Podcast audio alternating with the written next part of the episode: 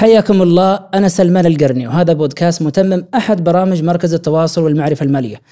يعتبر القطاع المالي اليوم في أي اقتصاد هو المحرك الأساسي لنشاط العمليات التشغيلية لكافة المشروعات والفعاليات الاقتصادية مهما كان القطاع الاقتصادي اللي تنتمي له هذه المنظومة.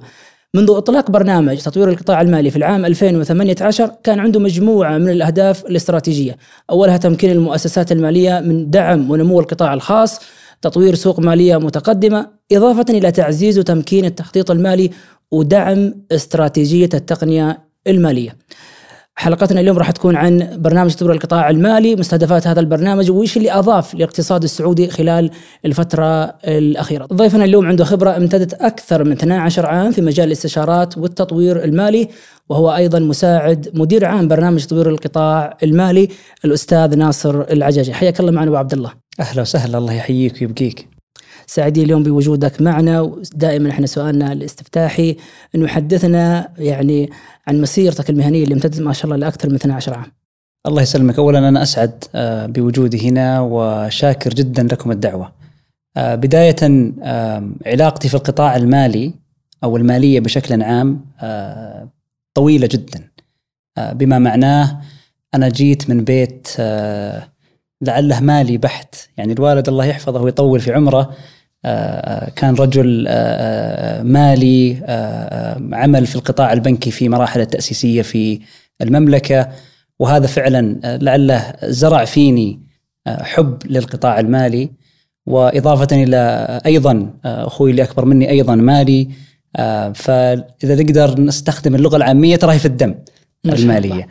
ومنها انطلقت طبعا إلى دراسة إدارة المالية. آه، في جامعة Virginia Commonwealth University بكالوريوس ومن ثم آه، آه، فترة وجيزة من العمل وبعدها انتقلت مرة أخرى أو رجعت إلى الحياة الأكاديمية مرة أخرى لدراسة الماجستير في المالية والمحاسبة من London School of Economics أو جامعة لندن للإقتصاد.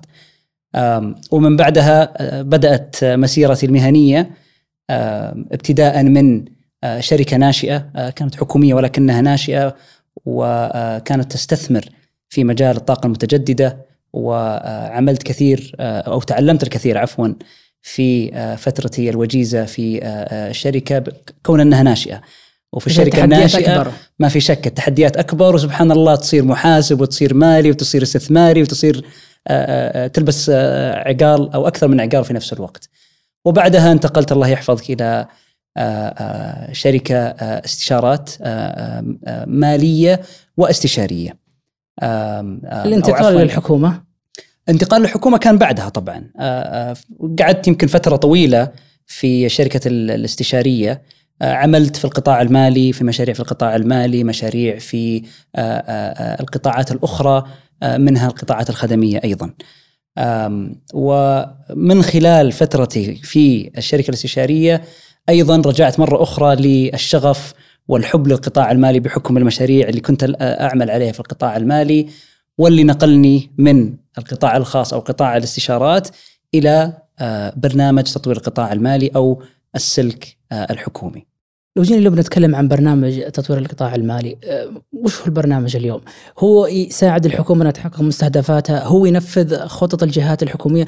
أنا حسب فهمي انه هناك ثلاث جهات مشتركة مع البرنامج البنك المركزي ووزارة المالية وهيئة السوق المالية. أحسنت. آه، يمكن لو لو أبسط لك البرنامج. البرنامج عبارة عن آه، جهود متكاتفة بين عدة جهات حكومية تهدف بنهاية المطاف بتطوير القطاع المالي بما يخدم مستهدفات البرنامج بالإضافة أيضا إلى مستهدفات التحول الرؤية ومستهدفات الاقتصاد الوطني. هي الثلاث جهات اللي ذكرتها الله يحفظك اللي هي وزارة المالية البنك المركزي السعودي وهيئة السوق المالية بالإضافة طبعا إلى الجهات الحكومية الأخرى.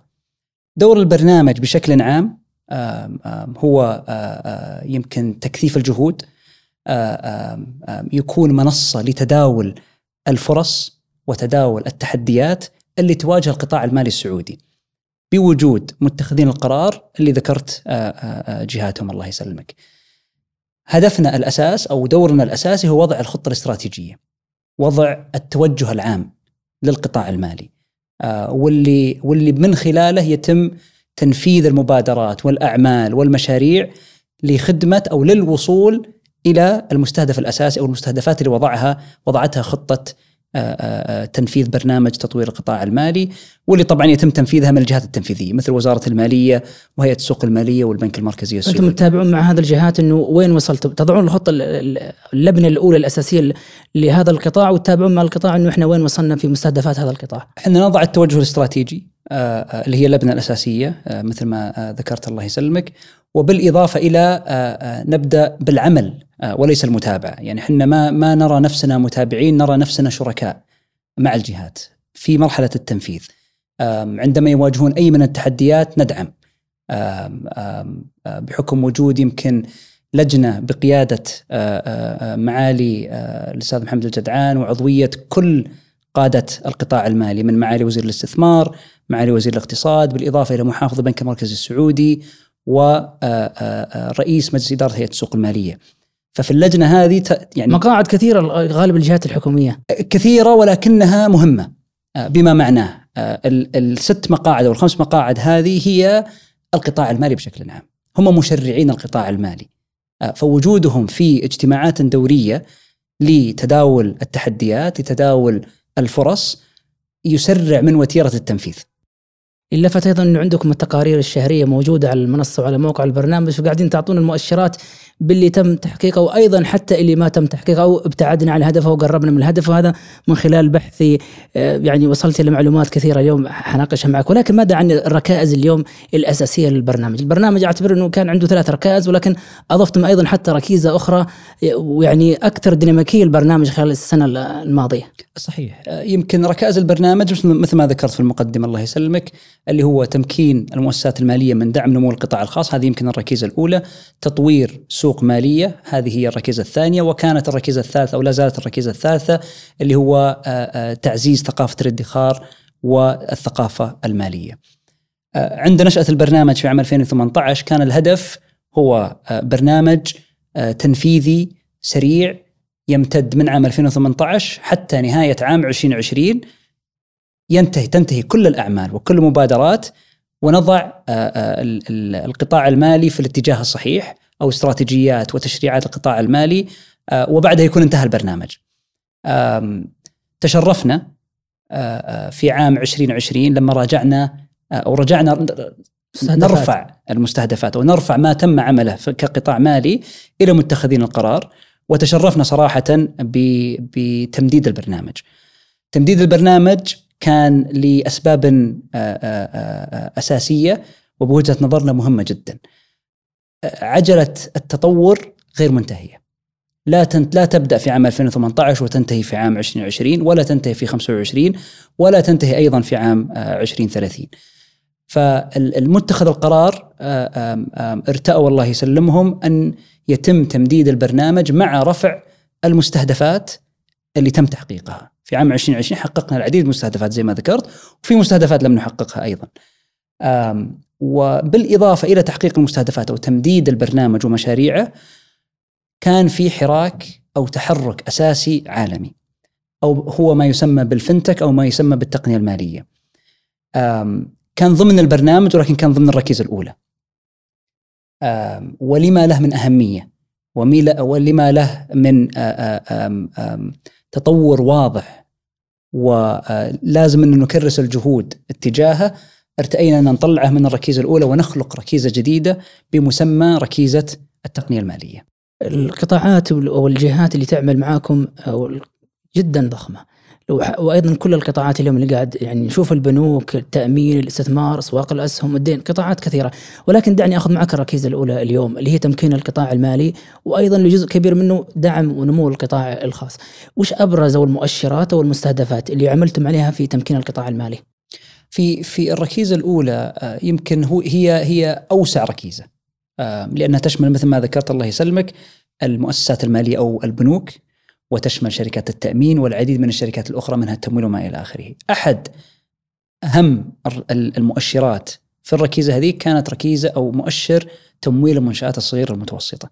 آه، لما له من أثر واضح على رواد الأعمال لما له من أثر واضح على الاقتصاد ولما له من أثر واضح على توجه آه، رؤية المملكة 2030 في زيادة الاعتماد على المؤسسات الصغيرة والمتوسطة. حصة اليوم قروض المنشآت الصغيرة والمتوسطة بالنسبة للبنوك كم كانت؟ أنا أذكر أن كانت 2% ارتفعت فترة بس ما أعرف اليوم الأرقام الأخيرة باخذها منك اليوم كم؟ هي فعلا ال ال الهدف كان أو عفوا ال baseline أو الخط الأساس كان في عام 20 2018 كان 2% كنا نستهدف أن نصل في عام 2020 أو 20 آه، آه، عفوا 2020 ان نوصل إلى 5% ومن ثم في 2025 نصل إلى 11% منتهية طبعا بال بالتوجه الأساسي لنا أو هدفنا الأساسي وهو 20% من محفظة الإقراضية للبنوك تكون متوجهة للمنشآت الصغيرة والمتوسطة. اليوم آه، في عام 2022 وصلت أو وصلنا إلى تقريبا 8.1% أو 8% تقريبا وهو متعدي المستهدف الأساسي اللي كنا نطمح ان نوصل له في عام 2022 اشياء كثيره كان شفتها اليوم في البرنامج تعديتم فيها ما شاء الله المستهدفات اللي كان يعني مخطط لها. اللي كان من ضمنها أيضا حصة المعاملات غير النقديه يمكن هذا النقل اليوم بالنسبة في القطاع المالي عندنا في المملكة كان مستهدف أذكر 40 في المئة. اليوم مع آخر الأرقام مع في المعاملات الغير النقدية كم وصلتم بالنسبة للنسبة؟ المستهدف الأساسي في عام 2030 هي 70% وابرجع لك على 70% وعشان كذا أنا بدأت فيها. آه، اليوم كان المستهدف أو في عام 2022 المستهدف كان تقريبا 7 آه، آه، عفوا كان 56%. اليوم وهذه لا زالت تحت الدراسة لأنها هي عملية إحصائية عملناها قبل سنة لأن ندرس حنا المؤشر هذا بصفة سنوية بحكم عمق الدراسة اللي تقوم عشان نحدد النسبة هذه. في عام 20 21 اللي أعلنها عنها في 2022 كانت النسبة وصلنا لها إلى 57% وكانت في هذاك الوقت متعدية المستهدف اللي ذكرته الله يحفظك اللي هو كان 40% نعم. فلما تعدي لما لما جت جائحة الكورونا يمكن هذه يمكن النعمة الوحيدة آه، آه، أو الفائدة الوحيدة من الجائحة اللي هي تسريع وتيرة الانتقال من آه، استخدام النقد إلى استخدام وسائل الدفع الإلكترونية. ومن هذا المنطلق عدينا المستهدف ولما تعدي مستهدف هذا يرفع آه، آه، سقف التوقعات ومستهدف أكبر. أحسنت يرفع سقف التوقعات وتم آه، مراجعة المستهدف اللي كنا حاطينه في عام 2030 من 70% إلى رفعناه إلى 80% وهذا هو المستهدف الجديد اللي نعمل عليه الآن. في نقطة تشاركية في مع ترخيص اليوم للبنوك الرقمية بالنسبة في المملكة وأيضا الشركات المالية بس بناقشها معك في الركيزة الرابعة. اليوم على مستوى يعني واحد عندكم المستهدفات وتطوير السوق المالية السعودية، الأرقام كانت تعطي الفترة الأخيرة على انه المستثمرين الافراد هم الأعلى في سوق الأسهم السعودية وهذا يعكس التوجه العالي بأنه إحنا نكون يعني سوق مؤسساتي أكبر. برنامج تطوير القطاع المالي اليوم وش سوى في هذا الجانب؟ طبعا البرنامج آه، يعمل على آه، تعديل التشريعات اللازمة آه، لدعم توجهات استراتيجية معينة ومنها التوجه الاستراتيجي اللي ذكرته أنت اللي هو الانتقال من سوق قائم على تداولات أفراد إلى سوق قائم على تداولات مؤسسات. والهدف الأساسي منها هو تقليل عملية التذبذب، زيادة عمق السوق، لها أبعاد استراتيجية كثيرة جدا. هذا كان يحتاج إيش منكم؟ هذا طال عمرك آه، آه، الزملاء في هيئة السوق المالية مشكورين. قاموا بتعديل بعض السياسات وبعض التشريعات في مسألة آه، الطروحات، قاموا بتعديل بعض السياسات والتشريعات في مسألة السوق المالية بشكل عام. واللي ساعدنا في إننا نحاول إننا ننتقل من سوق مبني على تداولات أفراد إلى تداولات أكثر أو تميل أكثر إلى المؤسسات. وزي ما ذكرت وهو ما يتماشى مع أبرز الممارسات العالمية وهو يخدمنا في المستهدف الأساسي وهو تموضع السوق المالية أو تموضع القطاع المالي للمملكة كركيزة أو كمحور للمراكز العالمية المالية ليس فقط إقليميا بل أيضا عالميا. المستثمرين الأجانب كانت واحدة من الخطة اللي عندكم اليوم تعملون عليها في السوق المالية السعودية ككل، اليوم لو نتكلم عن حصة المستثمرين الأجانب آه، كم تقريبا هذه النسبة؟ هل وسعتوا اليوم وجود المستثمرين الأجانب في سوق الأسهم السعودية خاصة الفترة الأخيرة إحنا انضمينا على مؤشرات عالمية ال MSCI وال FTSE Russell مجموعة من المؤشرات. صحيح صحيح هو الانضمام فعلا كان كان الحجرة الأساسية في جذب الاستثمار الأجنبي آه، لأنه مع الانضمام لعدد من المؤشرات يزيد من عدد المستثمرين ويزيد من المؤسسات المالية اللي تستثمر في السوق المالي السعودي سواء كنت تنظر له كسوق أسهم أو أيضا كسوق أدوات دين، أيضا ضمينا إلى بعض المؤشرات العالمية فيما يخص السوق أدوات الدين. كان الحراك كبير جدا.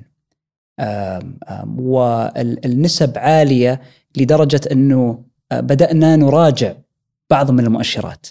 بما معناه. اليوم لما تنظر لعدد المستثمرين المؤهلين كان في عام 2018 قرابة ال 200 أو 300 ما, ما يحضرني الرقم. ولكن تنظر لها اليوم تقريبا ثلاثة آلاف وأكثر مستثمر أجنبي مرخص. وحنا طبعا نقسم الاستثمار الأجنبي لقسمين. القسم الأول هو الاستثمار الأجنبي المباشر والاستثمار الأجنبي في سوق أدوات الدين أو الاستثمار الأجنبي في سوق أدوات الأسهم.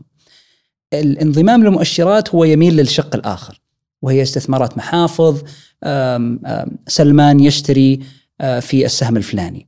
بينما الاستثمار الأجنبي المباشر وهو الأكثر عمقا والأكثر أهمية وهو عندما تأتي مؤسسة مالية وتستثمر في القطاع المالي السعودي. وعلى سبيل المثال يأتي بنك أجنبي أو مؤسسة مالية أجنبية وتفتح لها مكتب وفرع وموظفين وتبدأ بتسيير أعمالها من المملكة العربية السعودية. جميل. أشرت إلى نقطة اليوم الدين العام أو محفظة الدين. عندنا في المملكة تجاوزت 25% تقريبا 900 وحوالي 85 مليار حسب الأرقام الأخيرة. ما عندي يمكن تصحح لي. آه، تجاوزتم فيها المستهدف اللي كان إنه يكون نسبة أكبر من الناتج المحلي الإجمالي وطورنا إحنا. سوق أدوات الدين تطور كثير الفترة الماضية. على مستوى اليوم أدوات الدين عندنا وحجم سوق الدين في المملكة؟ حجم طبعا طبعا سوق أدوات الدين آه، كان أحد التركيزات الأساسية لبرنامج ستر القطاع المالي في عام 2018 ولا زال. والسبب الأساسي هو الحمد لله إحنا انتقلنا نقلة كبيرة جدا في آه، سوق أدوات آه، عفوا سوق الأسهم.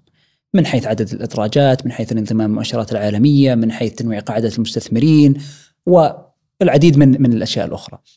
آه، سوق أدوات الدين في عام 2018 كان في بدايته. كانت تحتاج البنية التحتية التشريع عفوا البنية التحتية الرقمية تحتاج بعض التعديلات، البنية التحتية التشريعية أيضا تحتاج بعض التعديلات وهذا ما قاموا فيه الزملاء في هيئة السوق المالية مشكورين أيضا في تعديل اللوائح وتعديل البنية التحتية بما يتماشى مع تمكين نمو سوق أدوات الدين واللي ذكرته الله يحفظك الدين المستهدف. وكان مدعوم فعلا بإصدارات آه، محلية بالريال السعودي ومصدو و, و مدعوم أيضا بوجه أخص باصدارات الدين الحكومية. أبو عبد الله برنامج تطوير القطاع المالي يعني شمل قطاعات كثيرة الفترة الماضية ولكن ماذا على مستوى الاستثمار الجريء؟ إحنا كان أنشأنا صناديق وكان في منافسة كبيرة وما اعرف أنا عن وش وضع سوق اليوم للاستثمار الجريء في المملكة؟ هل التشريعات كافية؟ هل الشركات موجودة؟ وش وين حنا اليوم تصنيفنا بين دول العالم؟ سؤال رائع وأعتقد يمكن الإجابة آه، آه، أو الأرقام خير دليل خير دليل آه، بما معناه. هو فعلا كان أحد التركيزات الأساسية للبرنامج. لأن إحنا لما ننظر للقطاع المالي ننظر له ك value chain كامل.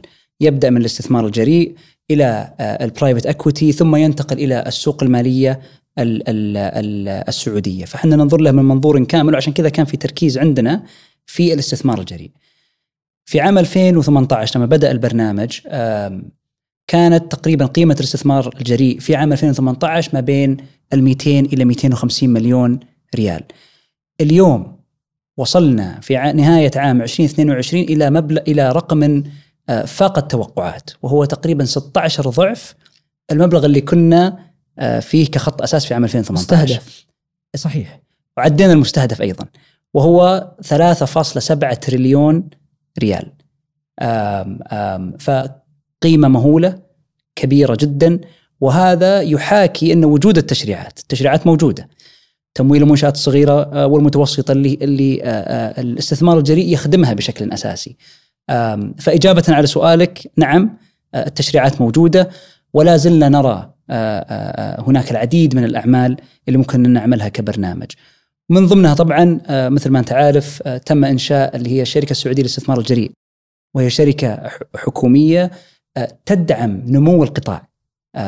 بما يخدم طبعا مستهدفات البرنامج ومستهدفات الرؤية والحكومة بشكل عام. لفتني اليوم أيضا حتى القطاعات اللي قاعد تستثمر فيها الشركة السعودية قطاعات جدا مختلفة ما كنا نتوقع اليوم إنه تصل الاستثمارات لهذا القطاعات باختلاف كل هذا القطاع. صحيح وعندهم تقرير رائع صدر قبل أعتقد شهر كان أدعو الجميع انه انه يلقي نظرة عليه. كل القطاعات اللي يستثمرون فيها الحراك في مجال ال ال الاستثمار الجريء بشكل عام يعني في في 30 صفحة عكس بطريقة جميلة جدا. بكل تأكيد ولكن ماذا اليوم عن الادخار؟ الادخار إحنا في مستويات جدا متدنية مقارنة بالهدف إنه إحنا نتجاوز ال 10% أذكر طلعت على اخر الارقام كان عندنا حوالي 2 إلى 3 في المئة. اليوم أنتم في برنامج تطوير القطاع المالي، وش أبرز البرامج اللي أطلقتوها توعون الناس بالادخار وحنا نرفع أرقام الادخار خاصة مرتبط أيضا بقطاعات أخرى الادخار. سؤال أعتقد وجيه والركيزة الثالثة وركيزة الادخار تنقسم إلى ثلاثة أقسام. القسم الأول هي الثقافة المالية. القسم الثاني الشمول المالي بالإضافة إلى الادخار لأن كلها متقاطعة. ماذا نقصد بالشمول المالي؟ زي ما تكلمنا في حراك تقني قوي جدا. الحراك التقني هذا قد يؤثر على البعض من أنه يوصل للخدمات المالية، فلازم أن نضمن أن الجميع مشمول في النظام المالي. آه، سواء الناس أحد ساكن في آه، منطقة نائية أو أحد من من عمر معين ولا عنده آه، القدرة على استخدام التقنية المالية، فالشمول المالي أيضا مهم. وتم العمل على الكثير من المبادرات لضمان شمول مالي معين. وعندنا الثقافة المالية وهي الأهم.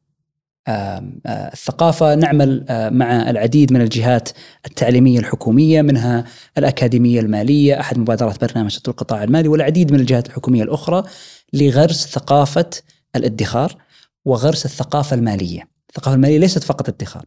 الثقافة المالية هي ادخار وأيضا صرف. فهي موازنة بين آلية الصرف وكيفية الصرف وبالإضافة إلى آلية الادخار. منتهية طبعا بما ذكرته الله يحفظك اللي هو الادخار وهذا عنصر مهم جدا للبرنامج والهدف الأساسي ان نوصل إلى نسبة 10% في عام 2030 طورتم منتجات جديدة مع البنوك والمؤسسات المالية اليوم إنه تخدم منتج الادخار يمكن الفترة الماضية ما كان في منتجات ادخارية تناسب ما أبغى أتكلم عن العائد ولكن خلينا نقول شكل هذه المنتجات الادخارية تحصل في بنك واحد أو شركة واحدة وما في أشكال جديدة للمنتجات الادخارية. العائد طبعا يعتمد بشكل عام على النسبة. واليوم إحنا في في مرحلة من الاقتصاد إن النسبة قاعد تزيد بشكل أو بوتيرة عالية جدا. أسعار الفائدة تقصد؟ أحسنت أسعار الفائدة، فأسعار الفائدة تعكس العائد اللي ممكن إنه يرجع على الادخار من البنوك. الادخار من البنوك أو أيضا من مؤسسات مالية أخرى مثل المؤسسات التأمينية على سبيل المثال. عملنا على كثير من الأعمال في تعديل التشريعات والبنيه التحتية اللازمة لتمكين المؤسسات المالية إنها تطلق المنتجات الادخارية. وشفنا العديد يعني شفنا العديد من البنوك أطلق منتجات ادخارية رائعة. شفنا أيضا مؤسسات تأمينية أطلقت منتجات ادخارية رائعة أيضا. آم آم بالإضافة طبعا كحكومة تعمل أيضا الآن وزارة المالية في مراحلها الأخيرة مع المركز الوطني لإدارة الدين بإصدار منتج ادخاري حكومي مدعوم يستهدف كل المواطنين والمقيمين لغرس مرة أخرى ثقافة الادخار بقيمة مدعومة. آه اليوم مثلا ال ال آه زي ما ذكرت الله يحفظك النسبة من البنك الفلاني هي كذا من المفترض أن تكون نسبة مدعومة من من من الحكومة أو من خزينة الدولة. يعني راح يكون عندنا منتج ادخاري مدعوم من الدولة على نسبة الفائدة. على نسبة الفائدة. ومتى حيكون إن شاء الله؟ قريبا ولا؟ قريبا بإذن الله. بإذن الله. آه ذكرت نقطة مهمة اليوم وهي قطاع التأمين. وقاعد أتابع اليوم الأرقام والمستهدفات. في مستهدفات جاوزتوا فيها الأرقام ما شاء الله في كاف يمكن غالب القطاعات. وفي مستهدفات تراجعنا وما حافظنا على الرقم كان من ضمنها قطاع التأمين. كان 38 في المئة أعتقد رجعنا إلى 34 في المئة. قبل أيام البنك المركزي رخص إلى شركة تأمين أجنبية. اليوم وش وضع قطاع التأمين؟ أنتم مش قاعد تعانون في قطاع التأمين؟ ما إحنا بقاعدين نعاني ترى من قطاع التأمين، آه، القطاع التأمين أحد القطاعات الأساسية اللي تركز عليه البرنامج أو يركز عليه البرنامج. من عام 2018 وهناك مبادرات واضحة آه، آه، تهدف إلى تطوير قطاع تأمين. التأمين. منها على سبيل المثال التحفيز على اندماج الشركات منها إلزامية التأمين آه، سواء كانت على المركبات أو أيضا على أي من ال- ال- ال- آم، آم، ال products الأخرى. آه، في في مجال التأمين. وكان يمكن في العديد من التحديات اللي واجهناها وتم حلها وتم تذليلها. فيما يخص المستهدف نعم. آه، متراجعين ولكن آه، تراجعنا لا يعني آه، آه، أن راح نعيد آه، النظر في ال- المستهدف، المستهدف سيظل على ما هو عليه وسنكثف الجهود مع- تقييم يمكن نشوف التحديات اللي قاعد تواجهكم اليوم في قطاع التأمين؟ آه، إعادة تقييم للتحديات هي هو طبعا إحنا كبرنامج ترى نعيد تقييم التحديات والفرص ليس فقط على قطاع التأمين. على كل القطاعات. بشكل دوري. ومن هذه انبثقت ترى الركيزة الرابعة اللي هي ركيزة التقنية المالية. ولكن على التأمين الله يحفظك. نعم نعيد النظر بشكل دائم نستحدث مبادرات جديدة واعمالا جديدة بقيادة المشرعين. البنك المركزي السعودي بقيادة أيضا الجهات الحكومية الأخرى ذات العلاقة في قطاع التأمين. جميل اليوم التقنيات المالية اللي أضفتوا لها ركيزة رابعة أساسية اليوم شركات الفنتك تحت البنك المركزي فترة تجريبي تجريبية بالنسبة وبعدين تدخل إلى السوق، وش تقييمكم اليوم بالنسبة لهذه الشركات؟ طبعا ركيزة التقنية المالية قصتها جميلة فإذا تسمح لي يمكن آخذ تفضل. دقيقة ألقيها عليك وعلى أنظار وسامعين البودكاست. في عام 2018 لما بدأنا البرنامج ما كان في أي شركة تقنية مالية. وكان المستهدف في وقتها انه يكون في عام 2020 عفوا 2030 10 شركات تقنية مالية. بدأ البنك المركزي وهيئة السوق المالية بعمل مختبر ال ال ال ال اللي هو التجربة وتفاجأنا بعدد الابلكيشنز وعدد رواد الأعمال اللي قدموا ملفاتهم على الجهات التشريعية وأيضا تفاجأنا على سرعة استجابتهم لبعض المتطلبات التشريعية. اللازمة لضمان أيضا في نهاية المطاف ضمان المستفيد النهائي اللي هو من سيستخدم الخدمة. في عام 2020 تفاجأنا بأننا عدينا المستهدف بكثير. عدينا مستهدف 2030 وكان في حراك قوي جدا في مجال التقنية عالميا وأيضا إقليميا ومحليا أيضا. فمن هنا راجعنا مستهدفاتنا راجعنا خطة الاستراتيجية التقنية المالية وأنشأنا ركيزة جديدة بمستهدف طموح وجديد من 10 في عام 2030 إلى 525 شركة في عام 2030 وهذه نقلة قوية جدا وتعطي توجه واضح على تركيزنا في قطاع التقنية المالية. الشركات اليوم اللي قاعد تشوفون الإقبال من الشركات المحلية ولا شركات أجنبية ولا شراكة بالنسبة للإقبال على شركة الفنتك في السعودية؟ بكل الأشكال. طبعا إحنا الرقم ليس هو الهدف. الهدف الأساسي خدمة. تنوع المنتجات جودة الخدمة وفي نهاية المطاف أيضا ضمان الخدمة هذه. لأن في النقطة الجوهرية لنجاح القطاع المالي سابقا هو كانت ثقة المستفيد بالنظام المالي. ويعمل البنك المركزي وهيئة السوق المالية على ضمان الشيء هذا ويظل سواء كان عن طريق شركات تقنية مالية صغيرة أو أيضا عن شركات تقنية مالية كبيرة. أبو عبد الله واحد مبادراتكم في برنامج دور القطاع المالي مؤتمر القطاع المالي واللي يمكن تقريبا أقل من شهر يفصلنا عن هذا المؤتمر. وش الجديد اليوم في نسخة هذا العام؟ أنا قاعد أتابع الجلسات اليوم لكن شايف يعني حراك كبير على مستوى القطاعات اليوم الأول وأيضا حتى اليوم الثاني. يعني قطاعات ما كنت أتوقع اليوم لما نشوفها وبيناقشها برنامج دور القطاع المالي في واحد من مؤتمراته. طبعا مؤتمر القطاع المالي قريب جدا مني. كأحد المبادرات اللي فعلا أرى أثرها على القطاع المالي السعودي بوجه أخص. أطلقت النسخة الأولى في عام 2019 وكانت نسخة ناجحة جدا. وكان وعكست في في عام 2019 مستهدفات البرنامج ما تم الإعلان عنه المنتجات اللي تم الاتفاق عليها التوجه الاستراتيجي للبرنامج وناقشنا أيضا تحديات البرنامج في النسخة السابقة. في النسخة الحالية في عام 2023 والانقطاع كان طويل جدا. وللأسف كان سبب الانقطاع ما يخفى عليكم اللي هي كورونا. جائحة كورونا. فكان التوجه أنه من المهم جدا أننا نتأكد أن ما ننسى مؤتمر القطاع المالي ولا ينسى مؤتمر القطاع المالي أيضا من قبل المؤسسات المالية أو القطاع الخاص. لأن هدفها الأساسي هو إيجاد المنصة للمؤسسات المالية وللقطاع الخاص لتمكينهم باستعراض منتجاتهم النهائية باستعراض أيضا تحدياتهم وإيجاد حلول لهالتحديات. ففي النسخة الجديدة سنناقش الاستثمار في القطاع المالي الاعتبارات الاستراتيجية والمتغيرات الأساسية في العالم التي تؤثر على القطاع المالي مثل ما ذكرت الله يسلمك سعر الفائدة واثرها على القطاع المالي والمؤسسات المالية وما إلى آخره. وأيضا سيتم النظر في التقنية المالية والتقنيات الناشئة التابعة للتقنية المالية أيضا ضمن إطار مؤتمر القطاع المالي عام 2023 واللي بإذن الله راح يكون بين يومين 15 و16 مارس بإذن الله. بإذن الله وكل التوفيق لهذا المؤتمر وأيضا لبرنامج تطوير القطاع المالي، سعيد اليوم بوجودك مساعد مدير عام برنامج تطوير القطاع المالي الأستاذ ناصر العجاجي. سعيد جدا وشاكر جدا لك الاستضافه الله يسلمك. مشاهدينا الكرام وصلنا كل ختام هذه الحلقة، شكرا لطيب المتابعة وإلى اللقاء.